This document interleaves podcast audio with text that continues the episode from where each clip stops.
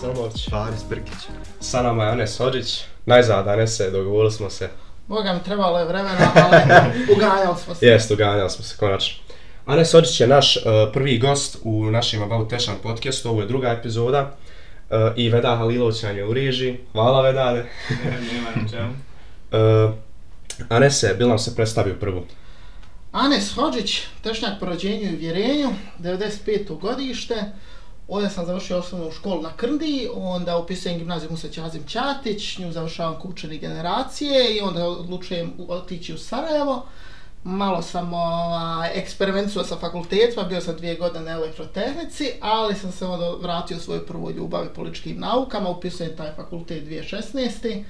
Završavam ga sa nagradom Zlatna značka, posle toga upisujem ponovo magistarski tamo i evo trenutno sam absolvent, završio sam sve ispite, sreća prosjek 10.0, eto to sam U. se riješio. Svaka čast. I hvala, još mi je ostao eto taj završni rad da odradim, fokusiran je na američku vanjsku politiku, Mhm. tako da pogleda se što bi se reklo ovih mjesec, dva da se i to riješi i to je to. Jest, imat ćemo mnogo tema za pričat. Uh, Veda i ja smo išli u Ameriku, tako da možemo i na tu temu Taman, taman. onaj, pričat o njihovoj policiji, ali o tom potom. E, o, što bi trebalo reći za nas, evo ovdje četvorcu u sobi što je zajedničko je da smo svi u gimnaziju išli u Musa Ćazim Ćatić. Srećom. Srećom. Pa kako bi ti mogao sad opisati to svoje iskustvo, zašto gimnazija? Of, ovako, odluka da upišem gimnaziju jako je čudna, ja sam imao jedno 15 različitih škola kojim sam razmišljao, rekao da li ću, a medrese su bile, dobre medrese su bile, Ja. top što se tiče matematika, informatika, svega toga, bili su ovi koleđi, perzijski, turski, bilo je ovdje nekih škola gore u ovoj, u tehničkoj koji su mi djelovale onako zanimljivo, ali ono što je odnijelo preva, prevagu bio je francuski. Jer sam vezak htio učit francuski, a nigdje ga nije bilo ponuđeno ni u ovim koleđima, na medresama, ni u drugim srednjim. A bilo je jedno odeljenje kod nas francuskog gimnaziji.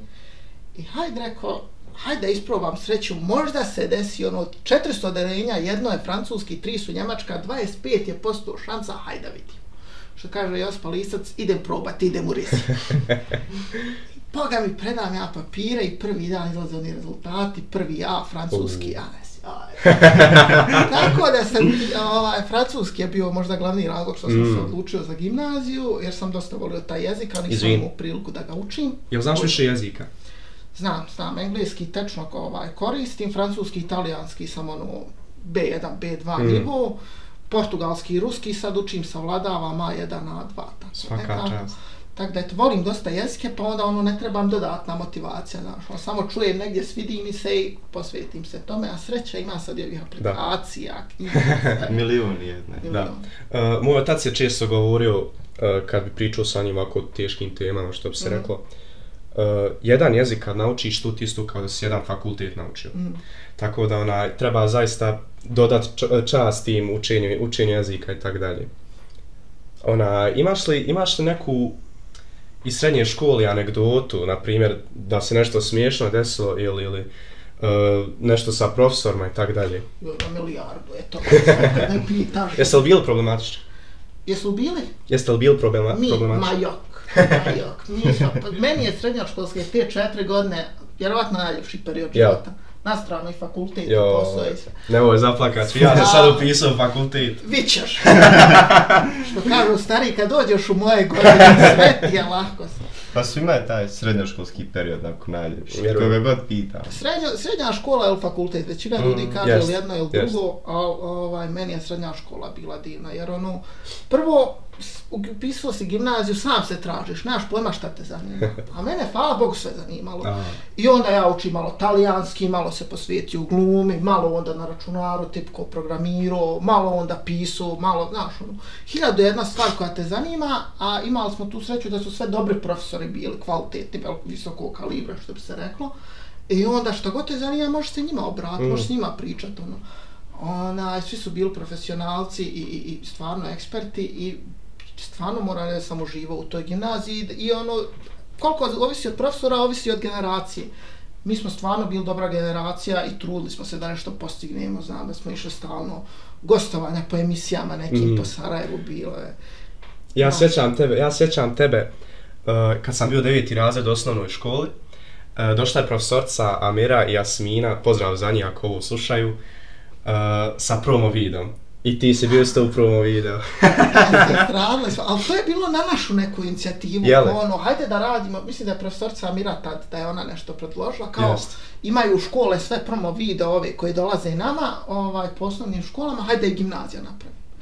I mi smo došli, mi smo bili druga smjena tad i bukvalno ono, te sedmice se dogovorili, sutra prva smjena dolazimo svi u sedam, krećemo. U, I na licu mjesta, šta bi mogli? Hajmo ovo, hajmo ovo, hajmo ono, da se sve ispromoviše što je više moguće. Tako da smo malte ne za dan čitav taj video odradili i Mm. mm. mislim da to govori kakva smo, kakva je to super ekipa bila, mislim. Stvarno je bilo dosta prilika za sve, koga god je nešto zanimalo, ja se sjećam takmičenja iz fizike, profesor Neđo Rahmetli, on je to kupio, zbirke Mhm. donosio ljudima, radilo se.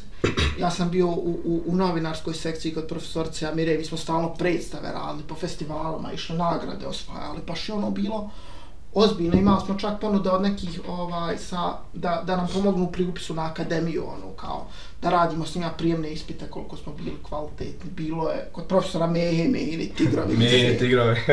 To je ta I tu si bio član, jel? Tu sam bio četiri godine član Mehinih tigrova i to je stvarno bilo iskustvo neponovljivo. Žao mi je, žao mi je da, da se profesor Meho penzionisao, mislim. Joj, pozdrav za njega. Pozdrav, mislim, pozdrav za sve. Za sve, za sve pozdrav. mi smo, mi smo petkom, ono, posle 5 sati i petkom ni dočekati U, nije. ja gotova sam išto prvi razred tu išao. Došlo, svi odošli kući, svi idu na buseve, na kafu, u čaršiju, Jest. do metra dole, ne.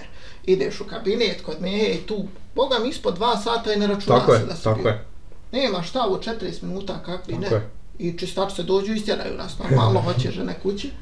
Ali nama je to bilo divno. Mislim, mi smo, mislim da je, da je, da je 96. sedma generacija, da su oni bili kao zadnja, hajmo reći, prava mejnih tigrova. Ja sam 95. pa se sjećam još ono, pa uhvatio sam ove generacije i mlađe i starije i u tom periodu išlo se, ne, ne samo na, na kantonalna i na državna, išlo se na balkanska takmičenja. Jesi ti išao na takmičenje? Ja sam išao, četiri godine sam išao na kantonalna iz programiranja, tri put sam se plasirao i na državno i mi smo tad, što je meni bilo fascinantno, mi smo tad išli, imali ekipu za državno takmičenje, koliko smo dobri bili. Bilo nas uvijek ono po dvoje, troje koji se iz Tešnja plasiraju Ja. na državno. Jer stvarno, i, i profesor je radio odličan posao i, i ono, ekipa je sva takva da te gura dalje, znaš, ono, i, i kad ti se ne radi, svi oko tebe rade, pa ono, daj tebi, da, da, da i ti nešto odradiš. Tako da, stvarno u tom periodu ja sam bio od, od 10. do 14. u gimnaziji, mislim da je to bio re, realno najbolji period mog života. Hmm. Pošto smo tu negdje u generaciji, onaj, mi smo definitivno drugačiji od tvoje generacije, zato što da li je to da li zbog interesovanja drugačijih i tako dalje, i bilo je mnogo anegdoti, mnogo stvari, ono, za smijanja, samo ono, sjetim se, evo, sad sam upisao elektrotenku, i ja pišem one papire, e, prijavnice, rodni listovi i tako dalje, dobijam ja indeks. Mene što će biti čovječ.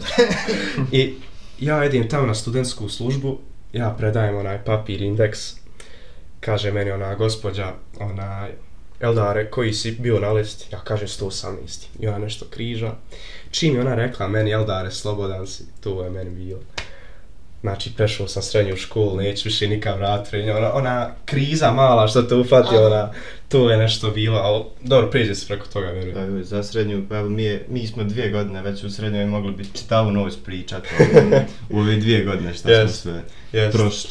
jest. Zahvalan smo za srednju školu. Mm. Hvala gimnaziji Musa Ćazim Hvala gimnaziji, nadam da će još opstat, vidim kako svake godine ono kad izlaze spiskovi u junu. Al, da. Opada. Mi, Nije- mi, ja. smo, mi smo, zanimljiva stvar, ja ne znam je li ovo legalno, smijem li ja ovo govoriti.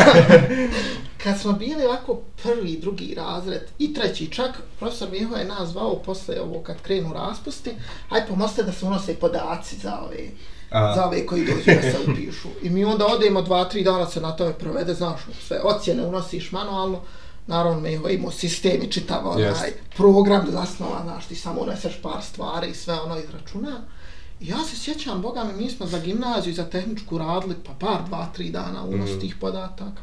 uvijek je bilo ono gužva po, po, po 120, 130 se ljudi prijavio u gimnaziju, u tehničku gore za, za svako odeljenje bude puno po 40, 50 ljudi. A sad, boga mi gledam Yes. spiskove 40, 50 Sve, svaki godine gimnazija. opada broj. Manje je djece, nažalost. Uh, s obzirom da ima manje djece, ja ti postavio pitanje zašto, zašto nema mladih? Zašto, zašto idu napolje? Zašto ne ostaju? Da li je to teško odgovor, da li je lagano, da li je previše široko pitanje? Jako lagano odgovor zašto? Zato što ovdje ne valja.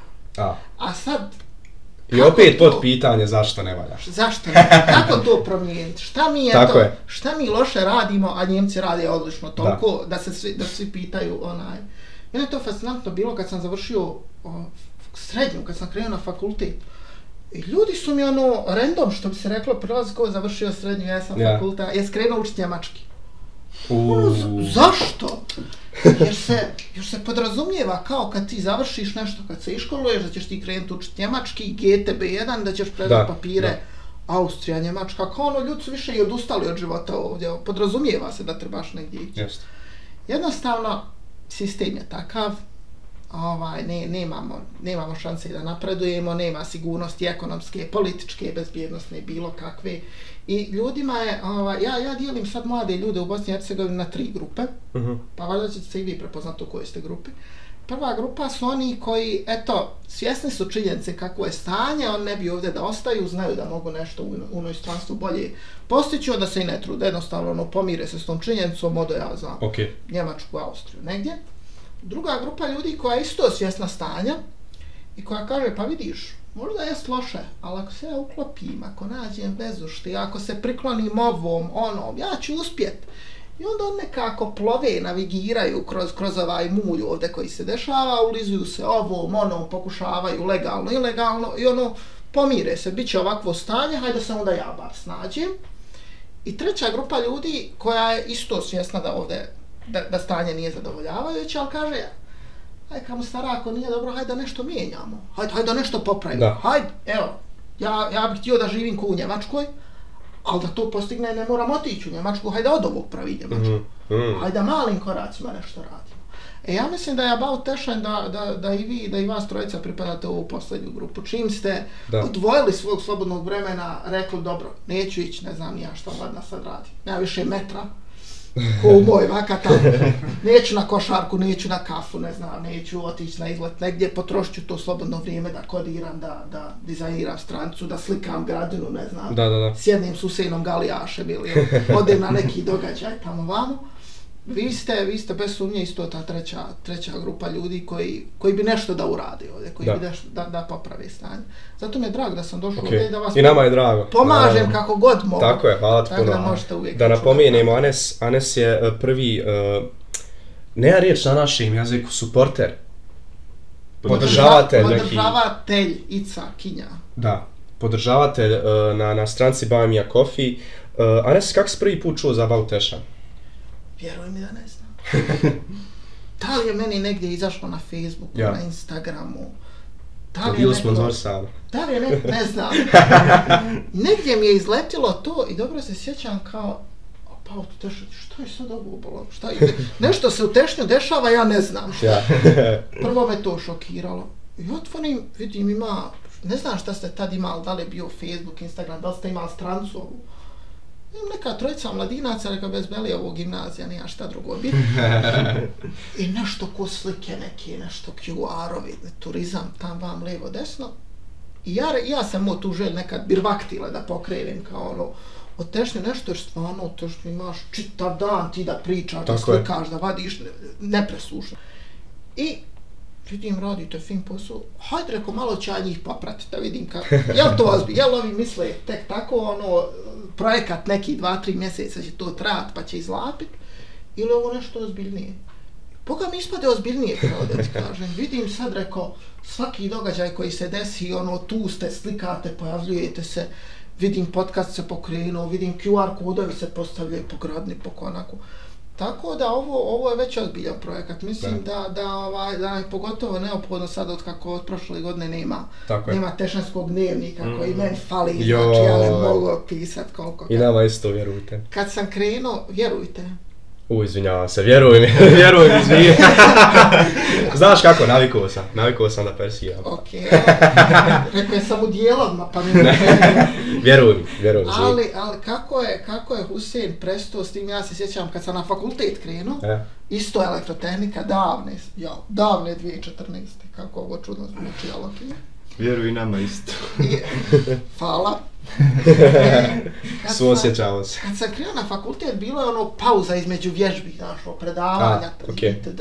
I dobro se sjećam, ponedjeljkom ja sam imao sat vremena pauze između vježbi i predavanja, uđem na tešaj net, samo pročitam dnevnik, samo da vidim šta sam mašio. Znaš, ne možeš svake sedmice stići kući i onda Usein pogleda šta je bilo, stara slika, osmrtnice, obavezno. ono gdje se šta izdešavalo, šta je ko u opštini rekao, koja je predstava i te bila i to, to, to mi je stvarno žao da je, da je, da Ja, Usein On je baš sve, tim. sve u jednom dnevniku što je dešavanje, ono, sve Mnogo nivou. čovjeku, tešno.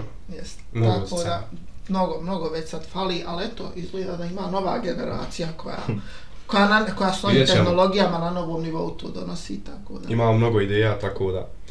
Vidim, vidim Ja. Boga. E, hoćemo prijeći na, na fakultet. Hajde, Šta je dovelo do tog prijenosa između elektrotehnike i politologije?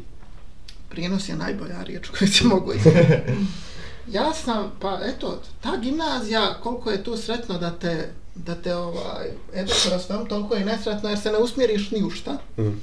Neki ljudi već ono znaju kad upisuju ja ću na medicinu, pa se on odmah na prirodni u, u, u onaj smjer usredotoče neki će jezike Mhm. itd. Ja sam sve volio. I onda kad sam birao smjerove, rekao, kud ne može tri smjera odjednom da ono paralelno se ide. I upišem matematičko-informatički, jer se to išao sam na ta takmičenja iz programiranja, hajde rekao, stabilan posao, programiraš, kuckaš, lijepa, ono, posao lak, para laka. Međutim, ja koliko god sam to volio, imao sam neke druge interese koje sam još više volio. I onda sam nakon dvije godine elektrotehnike, dobro se sjećam, posljednji ispit mi je bio inženjerska fizika 1, Mm. i od tog mi zavisi, imat ćeš i ti Jeste. i to i Hasnu Šamić. i- I dobro se sjećam, septembarski drugi rok i sad meni ovisi. Ja ako taj ispit položim, ja sam prešao na narednu godinu, ako ne položim moram obnavljati ili koliziju ili nešto. Dobro. A ja već u glavi imam, rekao, ma ja ću, ono, ako, ako ne ide ovo, idem se posvetiti nečem što baš ono, volim, za što živim. I dolazi meni ispit, donosi asistent. Ne, idi se čini se sam zvao jako relevantno jedino za tebe. I donosi on meni ispit, ja gledam, prebacim ja na drugu stranu i kontas. Ideš ti, ja ne se na Tako da sam taj dan odmah, ovaj, sutra dan otišao na političke nauke, tamo predao papire, sve što je trebalo. Ovaj, mislim, ja, ja volim jezike, volim programiranje, volim društvene nauke, historiju, volim film, režiju, glumu, politiku, diplomatiju, sve ja to volim. Ali onda se moraš odlučiti za nešto. Tako da mi je prva donijela politika i političke nauke, zato što je to sve. Mm. Zato što prvo imaš scenskog nastupa, ko da si u pozorištu, ti kad Mm. izađeš pred publiku, kad trebaš nekog uvjeravat, onda imaš dosta historije koju moraš poznavat, geografije, mislim i hodaš ti po, po državi, po svijetu zbog tog posla. Onda ima dosta statistika, vađenja, znaš, ono, birači, pregled spiskova itd. itd. Tako da mi je to super kombinacija svega. Tako da Okej. sam se u tome pronašao i onda sam upisao tad to je na političkim naukama smjer politologija, a ne, ocijek politologija, smjer međunarodni odnosi i A, diplomati. a okej. Okay. Uh, možeš nam definisati šta znači politologija? Nauka o politici, Tu. tačka. Okej, to je to. Bukvalno politologija predstavlja kako da kažem, siste, sistematičnu nauku o političkim sistemima, političkim režimima. A, znači sve učiš i lijevu i desnu stranu, gore, dole i tak dalje. To je, to je, to je dio uvoda u politologiju, uči se, uči se ideologije. Yes. Okej, Tako ideologije. da imamo, stvarno ja sam, ja sam u Sarajevu ovaj, završio prve tri godine i, i ima se cjelokupan uvid u, u, znaš, no, koja god tema se obrađuje, pogleda se iz perspektive liberalizma, marksizma, socijalizma, konzervativizma, cjelokupno se sagleda. Tako da ovaj, nema, nema tu neke dogme sad da se kaže Aha. ovo je jedini ispravni put, A, ovako okej. treba. Znači ti biraš koju ćeš stranu, jel? Pa svako bira malte. Ja, okej. Mislim, mi to gledamo iz naučne perspektive. Ti kad dođeš tamo, ima recimo predmet komparativna politika. I tebi se tu podastru činjenice. U Aha. Francuskoj je sistem ovakav i ovakav. U Americi je sistem ovakav i ovakav, ne znam, u Njemačkoj je ovakav i ovakav. I niko tebi ne kaže najbolji sistem na svijetu je ovaj, svi treba. Ne. Nego ti kažu. Američki sistem je dobar zato što, ne znam, tri grane vlasti, svaka kontrolše svaku, Aha. predsjednik je moćan, ne zavisi toliko od kongresa u donošenju nekih odluka itd. itd. A loš je zato što može se blokirati, dvije partije su samo tu, dolazi često do stalemate itd. itd. E onda ti to uporediš sa francuskim predsjedničkim sistemom ili njemačkim parlamentarnim. I onda ti imaš pluseve, minuse, vidiš šta kod ovog funkcioniše, šta kod onog funkcioniše. Tako da nema tu tačnih i netačnih odgovora. Okej. Svaki sistem ima svoje dobre, svoje loše strane Mm. i na nama je onda kad, kad ti uđeš u politiku, kad uđeš u tu arenu, na osnovu onog što ti znaš da se odrediš. Šta ti misliš kako bi ova država najbolje funkcionisala, koji sistem treba, koje ekonomske politike itd. itd. Dobro, jesi li imao prijemni ispit za, za uh, drugi fakultet, za, za političke nauke? dobro, Aha.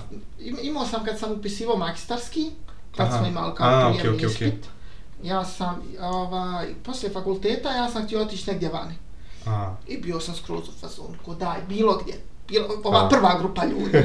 Kao, ja mogu nešto, što ja da ostajem ovdje, da mi, znaš, no, preko Save, ba, Zavodski brod. I upisao sam se u, u, u Češkoj, na jedan fakultet, si trebao naučiti češki jezik, jel? ni malo, A, a, okej. malo, ano. A, u, u Brnu sam, sam upao na jedan fakultet, predao sam kao na tri fakulteta. I hajde, rekao, znaš, no, negdje će me sigurno primiti, negdje će me odbiti, hajde da imam safe, ono, Ja, okej. options. U Češkoj sam predao, predao sam u Salzburgu i predao sam u Veneciji.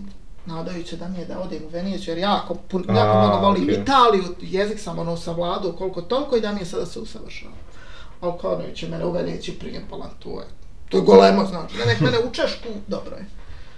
Kad prođe neko vrijeme prije mene i u Češku i Austriju i Italiju. Nigdje nisam prije, šta ću sad? I skontam se, ajde ja ću u Italiju, sve sam ja ono, imaju, kod njih nema prijemnih ispita na jednom od ovih fakulteta, nego imaš razgovore, intervjue, eseje, poznavanje jezika okej. itd. itd. Nema ono sad da ti neko kaže, evo ti test, 45 minuta odradi, ne. Nego da mi vidimo kako ti kontaš, imaš li ti kliker, da li se ti možeš snaći. I ja se odlučim za Italiju i ona možda 7-10 dana pre što ću krenuti, sve mi se sastaje, znači i problem s papirima, i viza, i ovaj, smještaj, sve ono krene malo pomalo problemi iskakati, ja skontam znak. Da li, kontam se u sebi, rekao ti, Janese, ako odeš, pitanje hoćeš se ti kad vratiti. I sad znam se ti odeš, ništa nisi probao ovdje, ništa se nisi aktivirao politički, ni na čemu nisi radio, I ti odeš tamo i tebe će čitav život jest to, jo, jesam li ja mogao šta, da li sam ja mogao šta promijeniti, jesam li ja mogao imati kakav utjecaj. I kažem sebi, ne, storniraj sve, ostaćeš ovdje, ali pod jednim uvjetom, da se politički aktiviraš, da nešto pokreneš, da kreneš okej. raditi. I Okej. onda, kad završiš fakultet, ako kažeš, ok, nema šanse ovdje, nemoguće je bilo šta promijeniti, onda idi, jeste briga, probao si, radio si nešto. I ovaj, bio Znači treća grupa sad, jel? sad je treći prijelaz. Prijelaz. I boga mi, nakon što je bio je taj neki prijemni onaj na fakultetu, engleski većinom opšte znanje, sve je kroz razgovor bilo, tu, tu sam prošao bez problema. Ovaj, najveća tendencija je bio, ko što i sam znaš, jako fin prijemni, dvije sedmice pripreme na fakultetu, pa dvije sedmice između, pa dvije prije, posle crkneš i onda na kraju vidiš kao 20 bodova je potrebno 22 boda, kao Ouu. jes. A da ja sam imao 30, ja sam malo U, zamiješao. svaka čast. Ja sam bio baš loš. Nećemo o tome sad. Ne, upisi, ja, upisao. upisao sam. On je upisao To je sam. bitno. A znaš šta isto? Slabo je djeci upisao. Uh, Forto, ovaj premijer Sarajeva, znaš ga. Panić. Ona, rekao je da će svi koji, su, koji će upisati taj ti računarstvo i tako dalje imati budžet. Prvo, to smo imali sreće. Uh, drugo, uh, m, slabo je djeci upisalo koliko sam ja primijetio. Uh, 230 za moj odsek je upisalo, uh, je pristupilo prijemnom ispit za, za računarstvo i informatiku, 155 je prošlo. Ja sam 118 bio. Uh, onda imao sam isto osjećaj da su bile slabe ocjene kod učenika. Da li je to razlog zašto ima malo djeci i tako dalje, ne znam, ali ona, zaista, ja, ja mislim da sam imao sreće što sam upisao, upisao ovaj fakultet. Sad da li ću opstati, to je, to je do mene. Pazi, sa, sa predznanjem koji nosiš iz Teševske gimnazije, boga mi, Pa dobro, ja se ne bi toliko brinuo. Okej. Mislim, dobro, sad ja govorim ovo iz perspektive neko koji ima isto to predznanje, pa dvije godine Ja. ovaj, tamo studirao i ništa nije postigao. Ali opet, ono, treba ti neko predznanje koje sigurno stekneš ovdje, a treba ti i volje. Jest, E, meni je falilo volje, mislim, ja... A, okej. Sjećam se dobro, 2015. godina, ono, ispiti bili septembarski rokovi, hajde koja ću uzeti u augustu učiti. Međutim, tad su bile i debate predsjedničke za američke Jeli? izbore, U, primaries. Ko je bilo 2016 ili? Za 2016. tad je Bernie i Hillary su bili za demokrate, a republikanci je ovako 17. I dobro se sjećam, rekao, uzet ću ja debatu, pustit sebi na slušalce i raću ja inženjersku matematiku, baš aha. I ništa, ja debatu gledam, gledam, gledam. I mislim da je to, to mi treba biti već znak u kojem pravcu ovaj, da, da idem. Glavna riječ podcasta nek bude prijelaz. Prelaz, Znači, može, prijelaz, eto, ali prijelaz. prelaz na tešačko. Može. Ne znam jeste vi uočili. Ja sam to kasnije skonto kad sam krenuo na fakultet, ova, jedna, jedna od stvari, možda i vi to možete obra, Jest. obja, Ja obratiti. što znam šta ćeš reći. Hajde čujem. E, ekavce. I kad jest. sam- Znači ja, ja nisam to skonto uopšte kad sam bio u, u kući u porodici, ono, i kad si u tešnju ovdje, kad si u gimnaziji, itd. itd. Svi govore mlijeko, doneo, Jest, smelo. jest, jest. Ti odeš na fakultet i odjednom te ljudi pitaju prvo šta je vaj, Ne, to. To mi je bio kultur šok. Kao, Zašto Kako objasniti vibe? Kako objasniti ovaj to? Ja sam skont rekao, to ti je vrlo prosto. Vaj, se, vaj je uzrečica koja se koristi u tešnju kad hoćeš da izraziš osjećanje. A. Da si ljut, da si tužan, da ti je teško, da se raduješ, da si iznenađen, da si srećan, da ne znam, To je da si univerzalna razočaran. definicija. Za sve. Univerzalno. Znači, da kažeš, ne znam, joj, bože, ili bilo što, sve je vaj.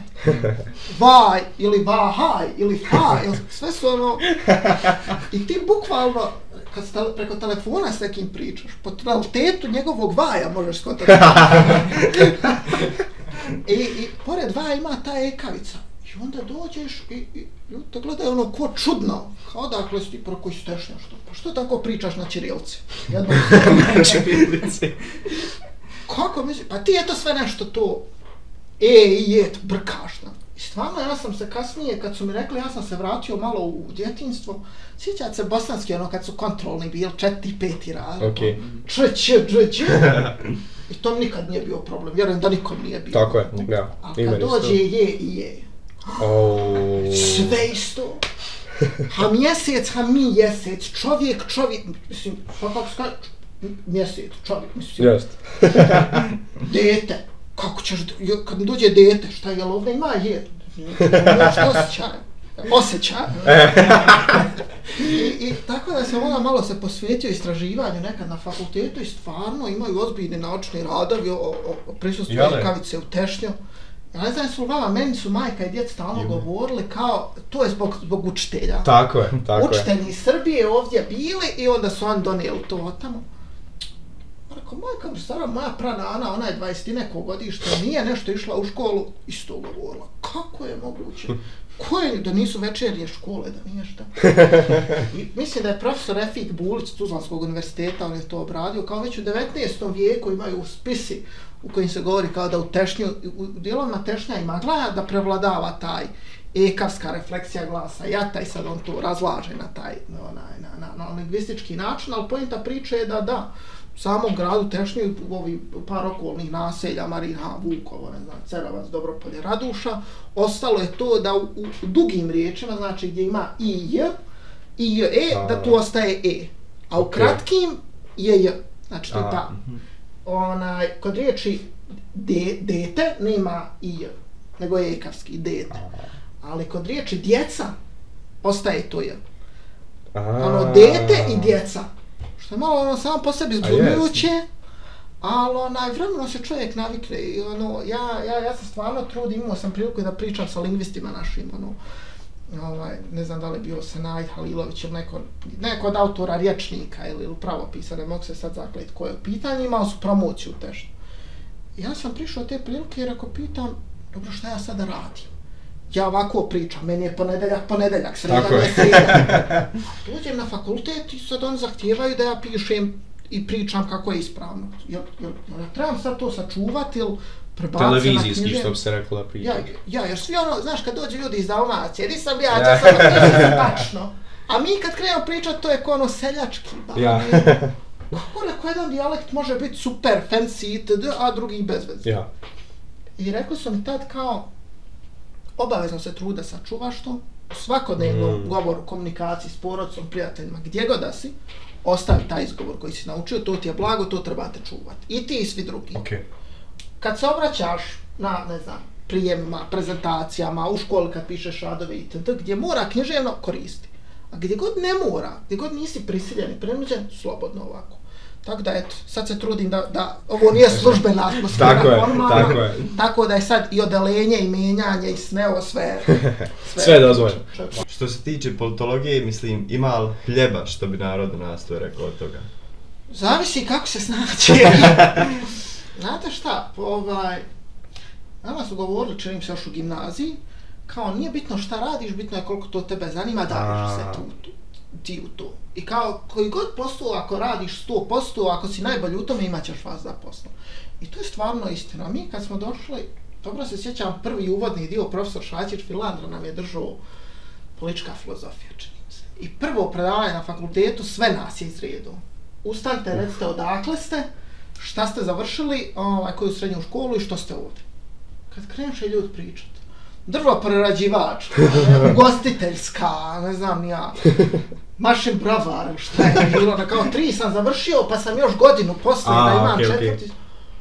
Ja rekao, što ste vi ovdje? Jel, jel, jel, jel vas stvarno to toliko zanima? I stvarno je bilo ljudi koji su ono, završili neku školu tipa ugostiteljsku, ali zna da je za taj fakultet, završi ga.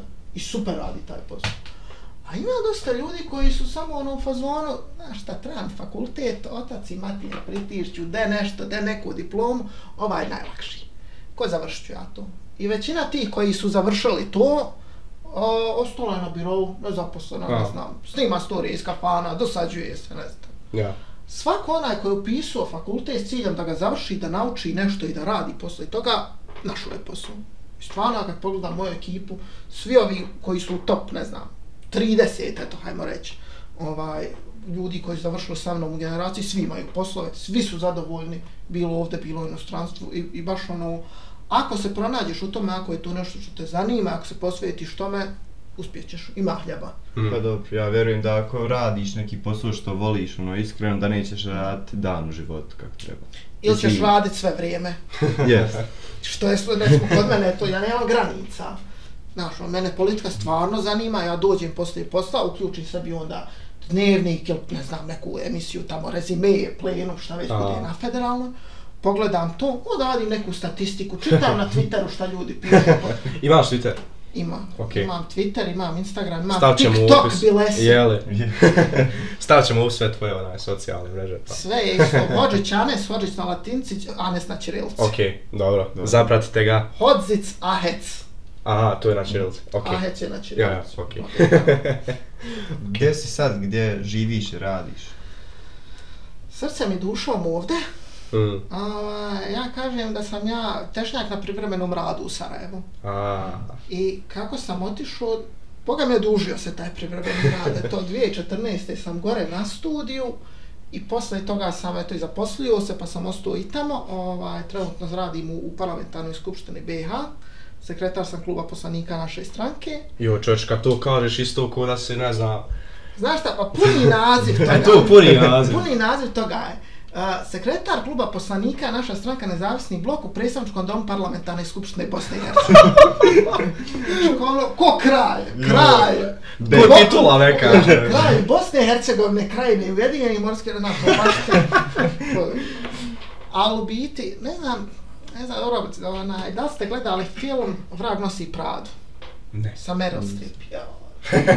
Ko sluša ovo i ko, ko, ko zna taj film, bukvalno moj posao je ovaj posao Anne Hathaway u tom filmu. Mhm. Znači, šta god se desi da je vezano za parlament, za državni nivo, moja obaveza. A, Znači, ako treba pisat zakon, ako treba predavati inicijativu, A. sjednice rešavati, materijale sređivati, ne znam, zakazivati sastanke itd. itd.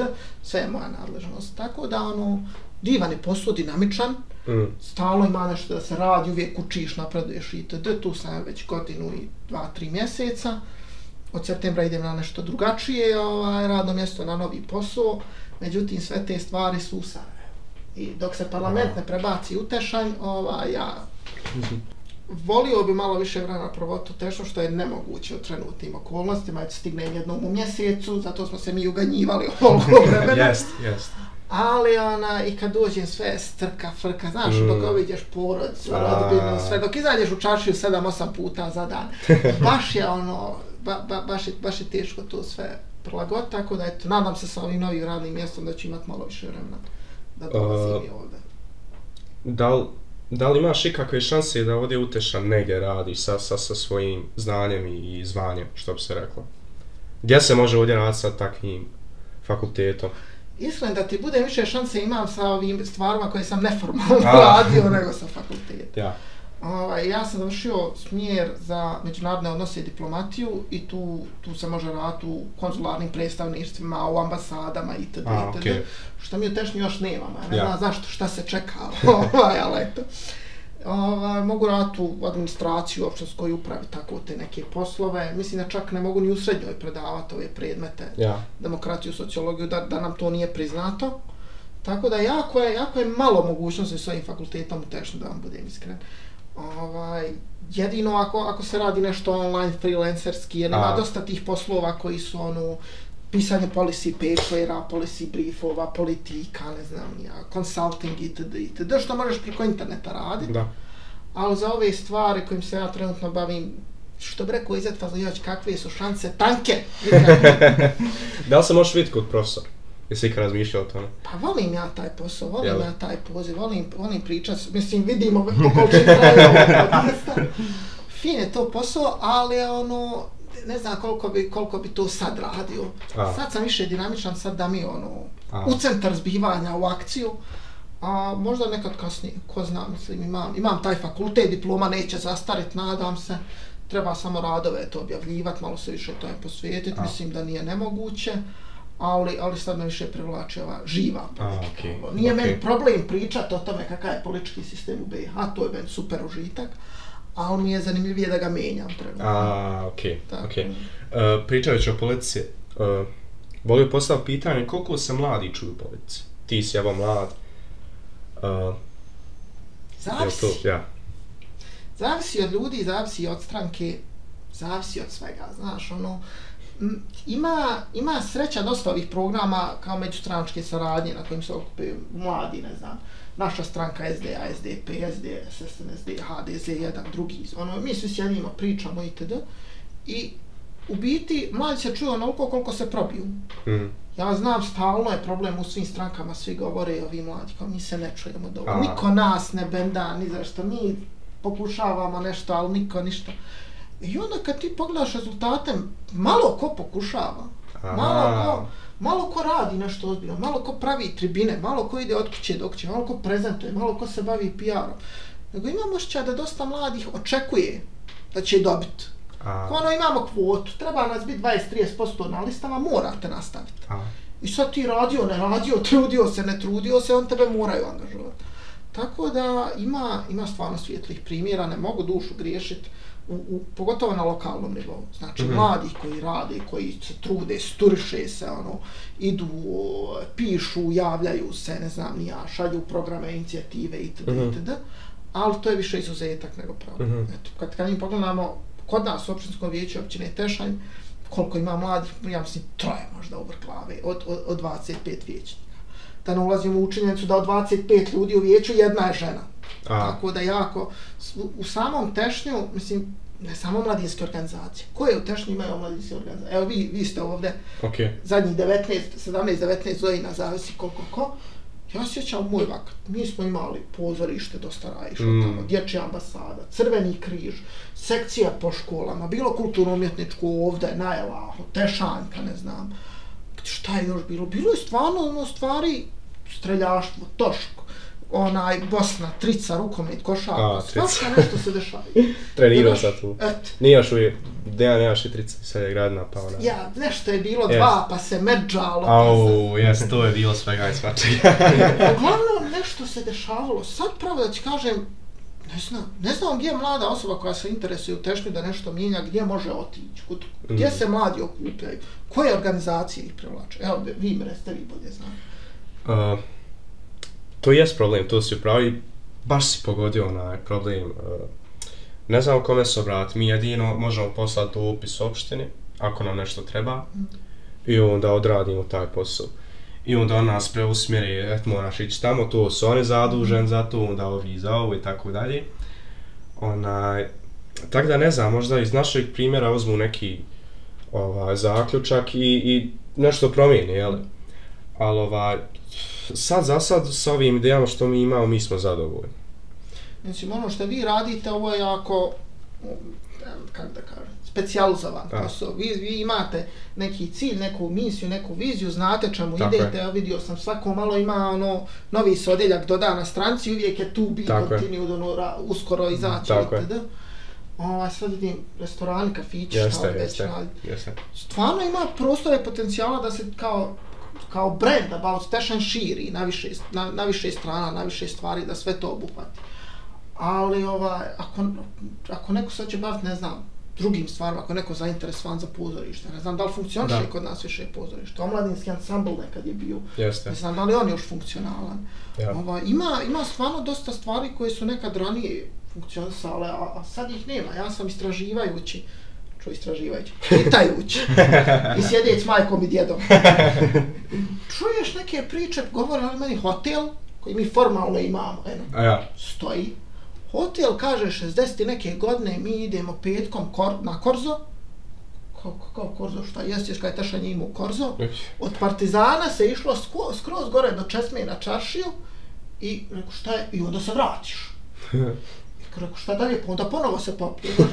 Ljudi su petkom išli i kaže, prvo nema mjesta, ne može se proći. Sve je bio makadam, ono, puna čaršija. Omladina hoda ide korzom, a stariji su na onim zidićima, znate, ono, kod opštine, kod parka, kad sve starije žene, ono, izađu u maramama, kad sjede, one komentarišu koje što. Puna čaršija bila. I kaže, završi se, ode se u hotel, boga mi u hotelu jazz orkestar. Uuu. Stvarno? Znači, Teša je 60 i neke godine imao jazz orkestar, bolan. Sad, ja ne znam, imao Tešanj band, ima li šta, što se toga tiče. Eto, skoro je bila izložba, ne znam da ste vi Jest. poprasli to Ja. na gradni, ono. Ti neki bendovi od prije, sve nekako imam osjećaj, kad porodim ta vremena i sad, da je, da je, da je zamrlo. Uh, naša emisija, jedna da od misija About Tash jeste da mi to popularizujemo. Na neki način, Mm. jel? Da li to bilo preko informacija koje radimo za kulturu i historiju, gdje se mogu čuti razno razne priče. Uh, možemo evo napisati priču o Vaju, o Ekavci, Ekavci, mm. mislim da bi nam pom- pomoglo tu.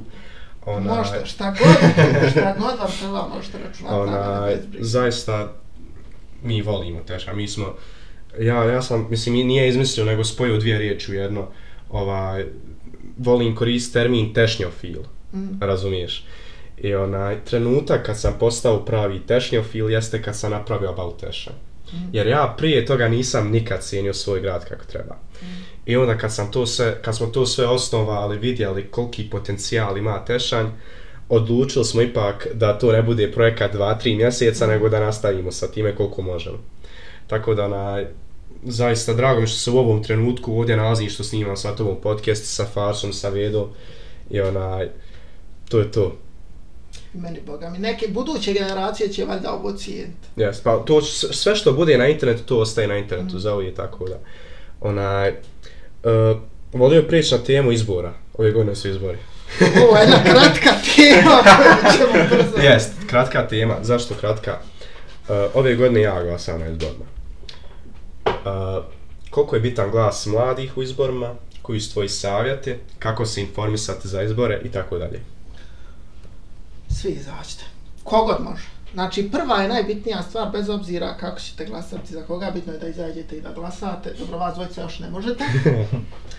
Ali, jako je bitno da ljudi ovaj, iskoriste taj, taj, taj alat koji ima, jer generacije i generacije ljudi su ginuli, borili se za to.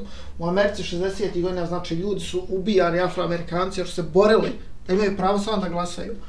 Postojali su testovi, znači ti prije glasanja morao si test da ispuniš da ne utvrde jesi li ti sposoban, jesi li pismen. Žene mogu glasati tek zadnjih 100 godina, zavisi od države do države. I mi imamo tu toliku blagodat gdje ti kao osoba odlučuješ o tome ko će te predstavljati. Ti ga bira, on će biti tvoj sluga. I ti imaš moć da Mm. nekom daš posao da odsmeš posao.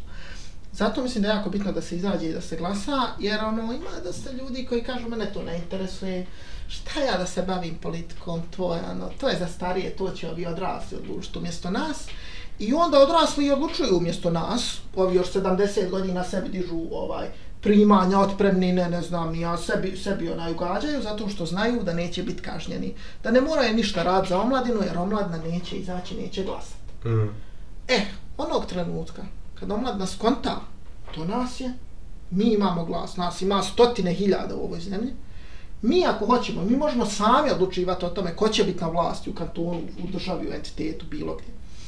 Ovaj, zato mislim da kad izlazite na izbore, pogledajte liste. Programe vam neću preporučivati da, da čitate zato što su oni opivni. I tu Mhm. su liste lijepih želja, ja znam, ja sam u priliku i, i kroz posao i kroz fakultet da to čitam. To je, šta ćete napraviti sve? Ko Donald Trump. Ne znam A. šta ću napraviti, ali će biti veliko i ogromno i divno i svi će, svima će se to, onaj, sviđa. Tako da, ovaj, glasajte za ljude, glasajte za one koje, koji znate, u koje vjerujete, za koje mislite da su, da su sposobni, da mogu, da žele, da hoće. I, i, i, i ne znam šta još da kažem, jednostavno, mnoga istraživanja su pokazala da, da kad se izlazi kad se izlazi i glasa na izborima da ljudi ne glasaju na osnovu stvari ko što su koliko je izvodilo ovo, koliko A. će para to trebat, koliko je ovo dobro za mene lično, Mm. nego glasaju po svom osjećaju. Da li ova osoba koju će ja dati glas, da li ona predstavlja mene? Da li dijelimo iste vrijednosti? A. Da li ja vjerujem toj osobi? E takve osobe tražite. Nekom kome Ok. vjerujete, za koga mislite da će dobro raditi posao i na kraju krajeva neko ko, za koga znate da se to osobi možete obratiti. Jer politika danas, eto ja sam imao priliku da, mislim i sad imam priliku da radim, političari dosta stvari ne znaju Mm. nisu upućeni. Ne, ne može čovjek sam po sebi da stigne na sve. I onda ljudi kažu, oj, kod mene kroz selo asfalt ne radi, kako niko nije se sjetio, zašto to nije odrađeno? Nijeće ništa sam.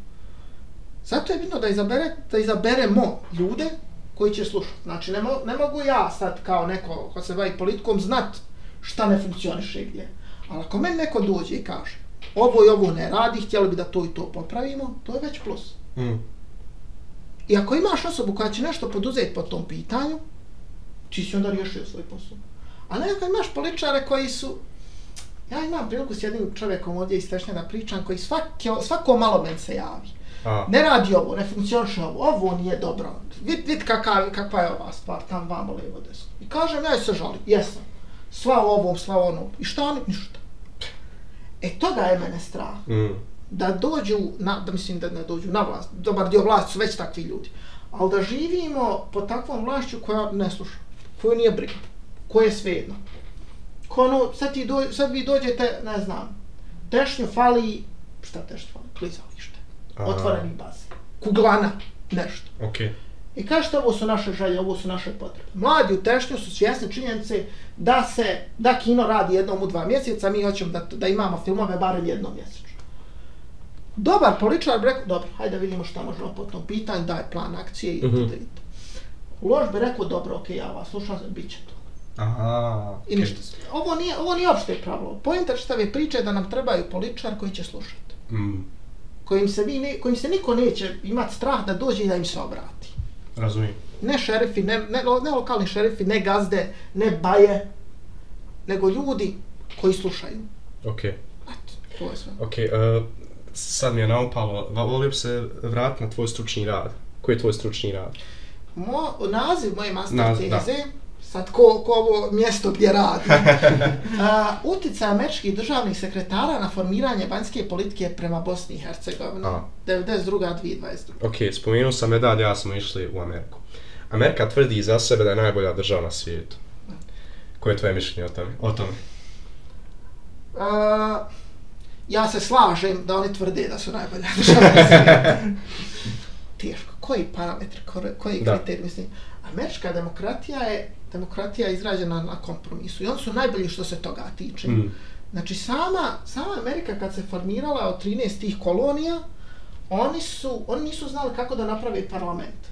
Jer ove države koje su bile, koje su imale hebet ljudi, oni su stalno govorile, hajde u parlamentu sjedi onoliko ljudi koliko je, koliko je država velika. Ako Aha. država ima milion stanovnika, nek bude 20 ljudi, ako ima pola miliona, 10, ako ima A, 100 okej. hiljada, itd. itd. Ove male države su govorile, pa čekaj, jel mi zajedno ulazimo ovdje? Jesmo mi svi ravnopravni? Što neko da ima 20 zastupnika, a samo zato što je veći, a neko dva zato što je manji? A da svi imamo jednako. I nakon, znači, to je, to je, to je prvi problem na koji je Amerika onaj, naišla i prvi kompromis američki, mislim da se zove New Jersey Compromise, Mhm. bio je, hajde da to izbalansiramo. Hajde da nemamo jedan parlament, nego da imamo ono, dvije, dva parlamenta u jednom. I zato Amerika danas ima House of Representatives sa, Mhm. sa 538, o, ne sa 538, sa, sa 635 ovaj, Mhm. zastupnika, u kojem svaka država ima onoliko zastupnika koliko ima stanovnika. A, okej. Tako Kalifornija koja je najveća imaće ih najviše 50 i kusur, a ne znam, Delaware koji ima malo ljudi ili Wyoming imaće jednog. Mm. Međutim, ne može ta House of Representatives sama da radi. Oni imaju onda i Senat, A, gdje i taj Wyoming koji ima pola miliona ljudi i ta Kalifornija sa 40 miliona imaju po dva senatora. mhm. I to je taj balans. Amerikanci imaju balans u svemu i njihov sistem. Znači, to je, ja, ja se stvarno divim njihovom sistemu sa ovog naučnog aspekta. A, okej. Ništa ne može bez konsenzusa, bez kompromisa, bez dogovora. I svak svakog može blokirati. Amerikanci se hvale sa svojom slobodom. Imaju, tvrde da imaju potpunu slobodu govora, e, e, protesta, e, bilo čega.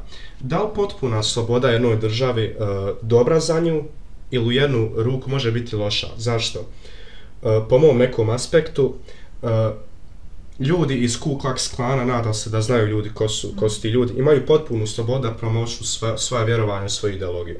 Bez da e, nadrapaju zbog toga. E, s druge strane, ako ćemo sad govoriti o, o desnici, o ljevici, ne znam, e, e, neki govore da je BLM, onaj Black Lives Matter, da je teroristički, e, kako se zove, Pokret. pokret, organizacija, Antifa i tako dalje. Da li je prevelika sloboda štetna za državu ili treba se uvesti neki e, govor mržnje za koji će ljudi biti e, kažen za to? Ovo je sad... Da li je previše subjektivno pitanje ili... Ne, ne, odlično je pitanje, ali ima više, više nivoa. Layers, layers, A, okej, layers. okej, okej, okej. okej. Sa teoretskog aspekta ja sam za, za slobodu što više, što veću moguću, ja se sam identifikujem kao liberal, meni je divlji liberal, meni je jako bitno da su ljudi slobodni u svim svojim akcijama i da pojedinac se ni na koji način ne, ne, ne, ne sankcioniše, ne kažnjava, da nema problema zbog, zbog svoje slobode i da je jedino, jedina granica njegove slobode onda kad narušava tuđu. Aha. E, uh, sam da mi je, ja, javio se ko, ko, ko džavolji advokat, pošto moram iznijeti mišljenje na ovo. Uh, bez obzira na vjerovanja koje imamo, uh, kako ja to gledam, teza da ponovim, uh, da radi ko, ko šta god hoće bez da ikom ikom smeta. Po mom nekom aspektu, ako radi nešto šta god hoće, ono što ga čini sretnim, ne mora biti nužno dobro za njega. Zašto? Evo, uzimam primjer. Kad se neko drogira, dobro mu u momentu. Ali nije dobro za njega na kraju možda. Možda opet. Ne, ne, ne, ima... Da li ima loke ovo što sam rekao, Ima, ima potpunosti loke. Ali ovaj, stvar, stvar te slobode je da nemaš nekog iznad sebe, neku državu, neki mehanizam koji će te kontrolisati. U tom smislu, neko puši, je li pušenje dozvoljeno? Jest. Je li ono dobro za tebe? Ne postoji ni jedan dokaz da išta dobro pušenje donio. Alkohol. Gdje, gdje je granica? Vožnja. Vožnja je dobra, vožnja je odlična. Ali ti možeš neko gubiti auto. Tako je. Zamislite kad bi se država regulisala, kad bi svaki, svaki, u svakom autu moralo da, da, da sjedi jedna osoba koja će vas pratiti dok vozite. Da vi ne prebrzo vozilo, da se ne pušta desno, ne dajte Bože. Ili, koja će, ili, ili ćete morati ispunjavati koliko alkohola ste unijeli danas, koliko će to biti dobro. Ili na cigare zapravo, ili slične te stvari. Ja sam zato ako neko hoće da živi život kako, kao, kao što jedan kaže ovaj lik iz sitkoma, Amerika je predivna zemlja, jer ti ako hoćeš da jedeš svaki dan McDonald's, da se napuhaš do 180 kila i da umreš u 28. godini od udara, možeš. Aha. Niko te neće da brani. To je sad malo karikiranje svega toga, ali bukvalno, svako može voditi život onako kako hoće. I svako će odgovarati za svoje posljedice. A, okej. Niko ti drugi neće moći biti kriv. I ja mislim da je taj sistem bolji gdje ti, gdje pojedinac preuzima odgovornost za, te, za sebe, A, okej. nego sistem u kojem će ti država nešto naložiti.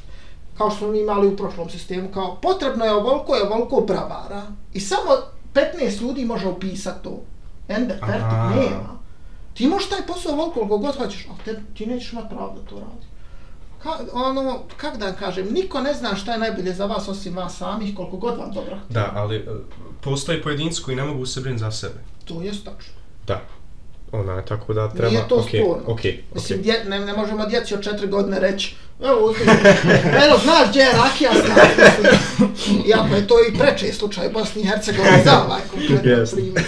Ali, ali mislim da punoljetni ljudi koji su zdravi, koji su mentalno sposobni, da on treba imati maksimalne slobode Mhm. čega god se tiče. Ovo sad što si ti naveo, to je jedan to je pitanje slobode govora koje se uvelike razlikuje u SAD-u i u, Mhm. i u Evropi. Jeste, jeste. Jel? Zato sam specifirao u, u Mhm. Americi, znači, nije drugačije u drugim zemljama, poput uh, zemlja Beneluxa, ja mislim da je tako, pošto si ti, Mhm. ti, ti to znaš. Uh, zemlja Beneluxa, Njemačka, uh, Kanada kažnjavaju za, za govor mržnje. Mhm. Uh, gdje neki komičari zbog neke šale mogu završiti u zatvoru. Dok to u Americi možeš samo na Twitteru da budeš, uh, kako se zove, kultura otkazivanja na Cancel našem jeziku. Yes. Ili cancel culture. Onaj, tako da hoću, da li je to dobro, da li je loše. Prevelika sloboda govora i ostali stvari. Drugčija je drugčija je historijska slika ovaj, Amerike, Evrope. Evropa je imala drugi svjetski rat, Evropa je imala Mhm. holokaust, Evropa je imala ogromna stradanja iz kojih je iznjedrena ova, ova dan, ovo današnje sankcionisanje govora mržnje, zato što je Evropa imala to iskustvo. A, okay. Da su, da su 30. godina ovaj, ponovno u Njemačkoj svakakve stvari objavljivane, pozivi na nasilje, da se širila laži itd. itd. što je doprinijelo u konačnici do holokausta. SAD ima drugčiju kulturu i, i prvi amandman na američki ustav iz 18. vijeka je amandman koji garantuje slobodu govora. Okay. Zato što su prvi doseljenici u Ameriku su pobjegli iz Evrope zato što im, zato što im se ovaj, nisu imali dovoljnu vjersku slobodu, hajmo tako reći. Mm -hmm. I oni su onda u svoj, ama, u svoj ustav tim amandmanom utkali potpunu slobodu pojedinca, mm. na vjeru, vjeroispovijest, na novine, na govor, na, na, na sve. Zato što, i upravo zato što je, što je američki sistem zasnovan na tom jednom na, na toj jednoj stvari kao što je bila zabrana ispoljavanja svog mišljenja i vjeroispovijesti, njima je do toga stalo da svako ima pravo da to ispoljava. S druge strane, zato što je Evropa imala loše iskustvo zbog tog svačijeg ispoljavanja svih stavova, poziva na nasilje i slično, Evropa je dosta zatvorenija po tom pitanju ima sank sankcije za govor mržnje. Ali to sad otvara, u političkim naukama to zove slippery slope. Mm -hmm. Gdje se povlači granica? Ko je nadležan da određuje nešto? Ko će definisati šta je govor mržnje? Ko će sankcionisati? Mm. Ko će reći? Ti možeš biti satiričan, koristiti nešto za, da ismiješ drugog, Da. ali da se u tom nalazi govor mržnje. Tipa Charlie Hebdo, vjerovatno se A, sjećate. sjećam se, okej. Gdje je bila ogromna rasprava oko toga da li je opravdano ubiti čovjeka zato što napiše nešto što, se tebi ne, što tebe Mhm. vređa. Mm -hmm. E, to je za mene problematično. Okej. Kad država dođe i kad država, kad neko odredi i kaže, e, smije se reći ovo i ovo, konkretno tako i tako, ne smijete prolaziti ovu granicu jer mogu biti posljedice Mm. neke po vas. E, Ali opet, na kraju krajeva to sve zavisi i od države, i od zakonodavstva, i od historije kakvu Mm. je imala. Tako da, naćete vi pozitivnih primjera pretjerane slobode, Da. naćete i negativnih primjera. Da. Tako da ne postoji neko unificirano rješenje. Ovo, ovo sad što sam ja izneo, bukvalno je bilo kao, kao, kao što bi mi stručno odradili. Aha. Analiza. Ovo su pros, ovo su cons, A. ovo ovdje funkcioniše, ovo ovdje ne funkcioniše. Vidite za sebe, za svoju državu. Mm -hmm. Drugi amandman uh, za oružje, tak to. To Ve je- velik je problem. To. Pre, čitao sam statistiku, preko 200, ako nije 20, uh, ogromni masovnih ubistava u Americi se desilo do sad, 2022. Mhm. godine. Uh, jel, mislim, logično je da je to loše, ali šta treba mijenjati? To je teško pitanje. I upravo zbog te historijske perspektive. Aha. Amerikanci imaju drugi amandman kako bi se zaštitili od prevelike vlade, vlade koja će nametat nešto Aha, ljudima, jer su oni imali takvo iskustvo u Britaniji i drugim evropskim zemljama gdje su im nametane stvari bez njihovog odobrenja Aha. i nisu se mogli pobuniti. Ja su founding fathers, ljudi koji su pisali taj ustav, framers što bi se reklo, oni su predvidjeli to. da pojedinac ima pravo uh, right to, to, to bear arms. Tako je. Pravo da nosi oružje, da posjeduje oružje kako bi se za, zaštitio od pre, prevelike vlade koja će mu oduzeti pravo. Jel to znači da danas ljudi zloupotrebljavaju drugi amandman? To znači da drugi amandman koji je napisan u 18. vijeku je teško ovaj, preneti od 21. A, okej. Teško je sad osobama koji su to pisale u vaktu kad je najopasnije oružje moglo ispaliti jedan metak u pola minute, a, prenijet na činjenicu da danas imamo nuklearno naoružanje. Mm. I sad ti po drugom amandmanu, nuklearno oružje, oružje, isto Tako tako. Šta bi spriječilo nekog pojedinca da ima nuklearnu bombu kod sebe? What can go wrong? Ali, ništa. Ništa, Ništa, ništa bukvalno. Ovaj, mislim, kod nas, ne daj ti Bože, kod nas bi se zbog međe potezala i stvari. Ali, Amerikanci, kako oni sve, sve rade kroz kompromis, kroz balans, s obzirom da su, da su društvo koje je duboko podijeljeno i dalje i koje, gdje imate i dalje dvije velike stranke ovaj, koje su diametralno suprotne, trude se da nađu neki middle ground Mhm. Kao ono, i, i da se koristi oružje, ali opet da ne ubija, da se ne, ne ubija toliko, pa hajde da nešto vidimo, eto, ako bi se moglo slučajno nešto tamo vamo. Republikanci su jako, e, nema bolje riječi, mislim, a, a, a, a, a, a, jako, jako, jako im je stalo do toga da drugi amandman opstane A, i da okej. niko ne kori, da, da niko ovaj, ne, nema mogućnost da, da, da ga zabrani, da, da Mhm. to dovede u pitanje ili bilo što slično. I on su u fazonu, you get a gun, you get a gun, everybody gets a gun. Znači, imate one programe, National Rifle Association, gdje kao. Evo, ono, četiri, pet programa u kojim ljudi donose staro oružje, pa evo, vidi kako ovo radi. Pa kao programi za žene, hajde ofarbamo u lila, pa da to samo ponjivi. Pa nam za trudnice, evo, ako vam ko upadne odmah ispod bešike, možete im. Znači, ljudi bukvalno rade marketing oružja, a imate s druge strane demokrate koji su u fazonu, dobro, nije loše imati oružje, poznajući kakva je država, ali hajde da to regulišemo. Hajde da ne može sad čovjek koji se napije i koji ima šest godina onaj, uvjetno osuđen na šest godina zatvora, da ne može sad baš ući u trgovinu u Walmart i uzeti to Ja. oružje. Međutim, i to je previše za republikance, tako da godina se traži taj balans. To je, to je još od, od 90-ih kad je bilo prvo, prvo veliko ovaj, prva velika masovna pucnjava u školi Columbine u Coloradu mm. Mm. je, je potegnuta ta tema i do dana današnjega, to možete i vi Svako malo je ili na javnom mjestu ili u školi neka pucnjava. Ja, gdje. što je u ško... mislim, nije najgore, ne postoji najgore, ali veoma je, veoma je tužno što djeca u školama moraju učiti kako se braniti od oružja. Obdanište, crkva, O, da, Sandy Hook tako je. 2012. Znači, u Connecticutu, koje, je po- mislim da je Connecticut pitanje, koja je poprilično liberalna država, i dalje jedan čovjek pronašao način da uzme pušku, iako je mentalno bolestan, iako ima problema, mislim da je čak ubio majku ili nanu nekoga, onaj, prije što će, prije što će otići u obdanište i počiniti taj masakr. Čovjek, mislim, odeš u trgovinu, uzmeš oružje, izađeš, ništa, ko da si uzeo lubencu banana, ne znam. Ja. I ode uzme to oružje, ode poubija ne znam koliko je, 15, 19 ovaj, djevojčica i dječaka u obdaništu zajedno s njihovim odgajateljicama i nikom ništa. To se desilo 2012. prije 10 godina. Zakoni u Americi su ostali isti. Mhm. A imate druge države, mislim da je Australija u pitanju 90-ih, oni su imali sličnu, sličnu politiku koju je SAD i 90-ih se desio ogroman masakr na, na ostrovu Tasmanija i nakon toga oni su uveli striktnije zakone. Posle toga mislim da nisu imali jedno više Mhm. masovno pucanje. Da li misliš, uh, kad, se poja, kad se priča već o pucnjavama i to, onaj, promijenit ćemo temu brzo na neku pozitivnu. Ma što bi?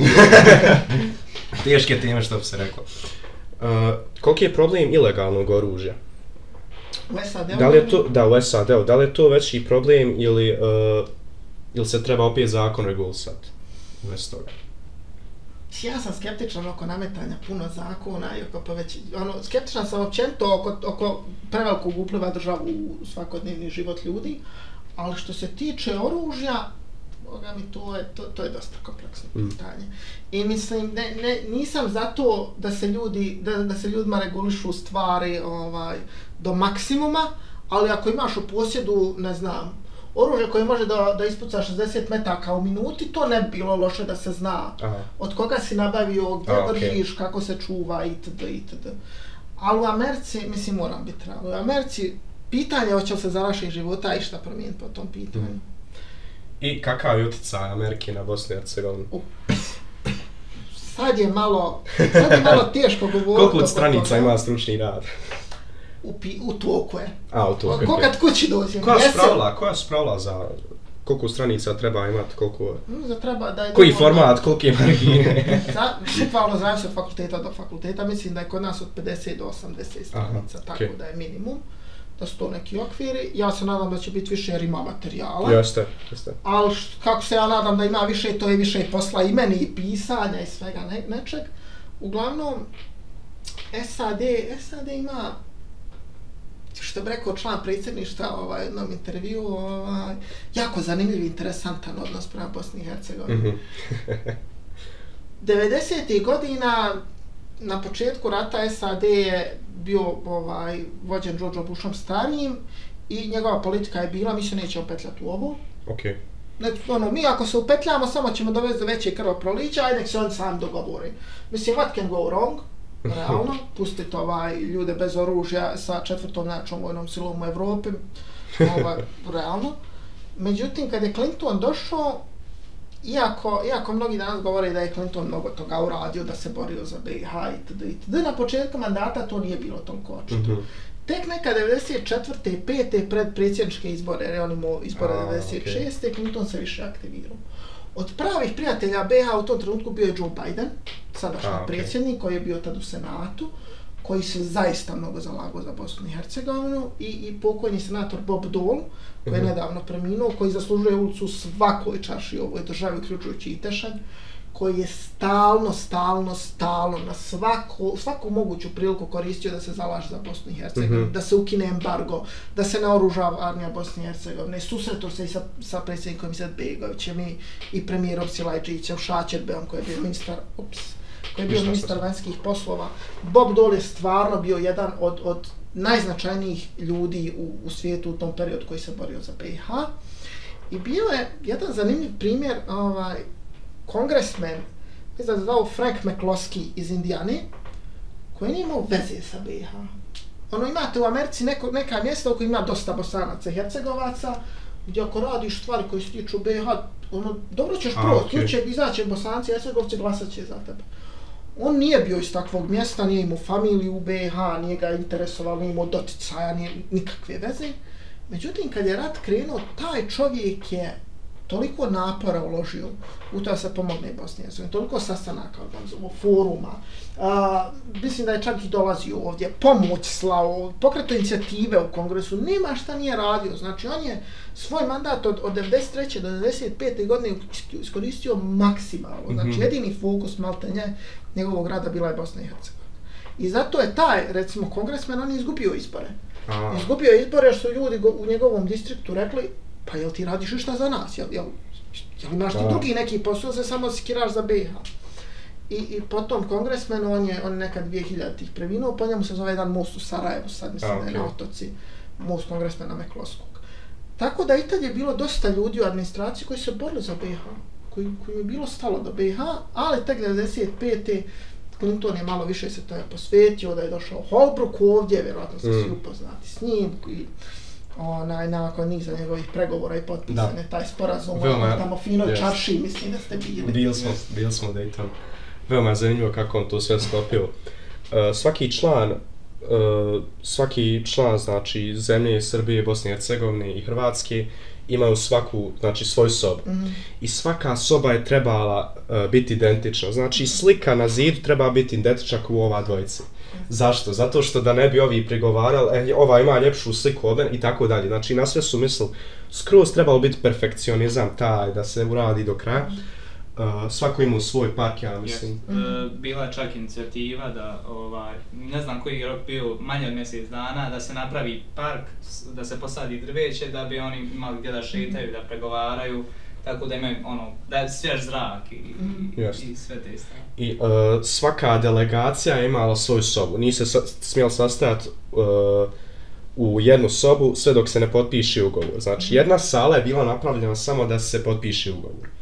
I imali su tog jednog middlemana, hajmo reći da se tako zove, ne mogu sad sjetiti stručni naziv kako se to zove, ali išao je od sobe do sobe da govori šta je ova delegacija rekla prvo i šta je rekla drugo i tako dalje. Veoma zanimljivo kako su onaj to sastavili. Mjesec. Ima, Holbrook je napisao knjigu posle toga, on je bio vrstan diplomata, ali nije nikad bio Secretary of State. Ovaj. Aha. Kak, uh, državni sekretar SAD-a, ali je bio visoko rangiran i- i očekivalo se da će on u drugom Clintonovom mandatu postati državni sekretar i u to svrhu je napisao knjigu, malo se ispromoviše, knjiga se zove To End a War. I on Mhm. tu piše o tome kako su ti pregovor tekli. Mi smo to radili na fakultetu i stvarno odlična je knjiga, odličan je posao Holbrook odradio pišući, ali tek tad vi vidite koliko tu ima sitnica, Mm. na koliko malim stvarima pregovori mogu propasti. Se. I, I koliko, koliko ljudski faktor tu igra ulogu. Mi svi, kad gledamo političare, svi imamo utisak kao ono, tu su ljudi racionalni, odvojeni, Mm. ono, izvan naše realnosti. Kad donose odluke, on će uzeti brojeve, bit će, ima šest savjetnika, pa će savjetnici objasniti, pa ima čitav proces kako će doći do toga. Ne. Bukvalno, Goražda i Sarajevo su povezani zato što se, o, zato što je Holbrook napio Miloševića. Mm. I u pijanstvu je Milošević rekao, a daj, aj more, neki ne.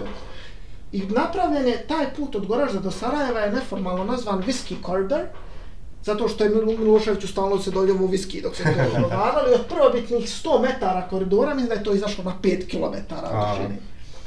Znači, te takve stvari imaju ogromnu ulogu. Čovjek ne bi nikad pretpostavio, znaš, ono, da, da je to nešto što je bitno. Ili, ili recimo, je, uh, kad se, prije što je zaključen taj Daytonski mirovni sporazum 21. čini mi se, bio je, bio je dogovoren drugačiji malo sporazum sa drugačijim izgledom Federacije i RS-a. I uh, svi su se ono radovali, nazdravljali, Bošnjaci i Srbi su se dogovorili itd. itd. Ali nije bilo Hrvata tu. I ministar vanjskih poslova Mate Gran, čini im se da je bio, on je do, slučajno je naletio u posjet kod Izetbegovića, kod A. Saleđića, Čuo sam za tu priču, okej. i vidio je kartu ovako naslojenu kao sa, Jeste. kao čovjek, kao š, ok, šta je ovo? I kad je shvatio koliko, te, ko- koliko teritorija koje je HVO osvojio Da. je dato Da. ona Republici Srpskoj, ali ne, ništa, ovo je Tako je. gotovo, iksiramo. I nakon dana, je, da, et, nakon dana i dana pregovora, ta jedna sitnica, je da samo malo makali kartu, historija je bila potpuno drugačija. Da. Leptirov efekt. Butterfly. Bukvalno. Leptirov efekt. Bukvalno. Koliko snimao Vedo? Sat i 16, sat 7. Boga mi nadvit ćemo epizode, mora. Morat ćemo nadvi. Epizoda tešan, epizoda politika. Može. Mislim da je to to, možemo zaključiti epizodu. Može, bez problema. Et, Hvala svima što ste slušali. Ovo je bio Anes Hođić, Eldar Arsemović. Faris Brkić. I Vedat Halilović. Iz režije. Yes. Anese, hvala što došli. Hvala vama, eto momci, drago mi da smo malo onaj promuhabetili, nadam se da će biti još prilike da pričamo, da Rado. surađujemo na svim Rado. projektima i eto, možete računati na mene na svaku moguću pomoć. I obavezno svi izaći se na izbore, neophodno je da se glasa. Tako je. Hvala puno. Hvala.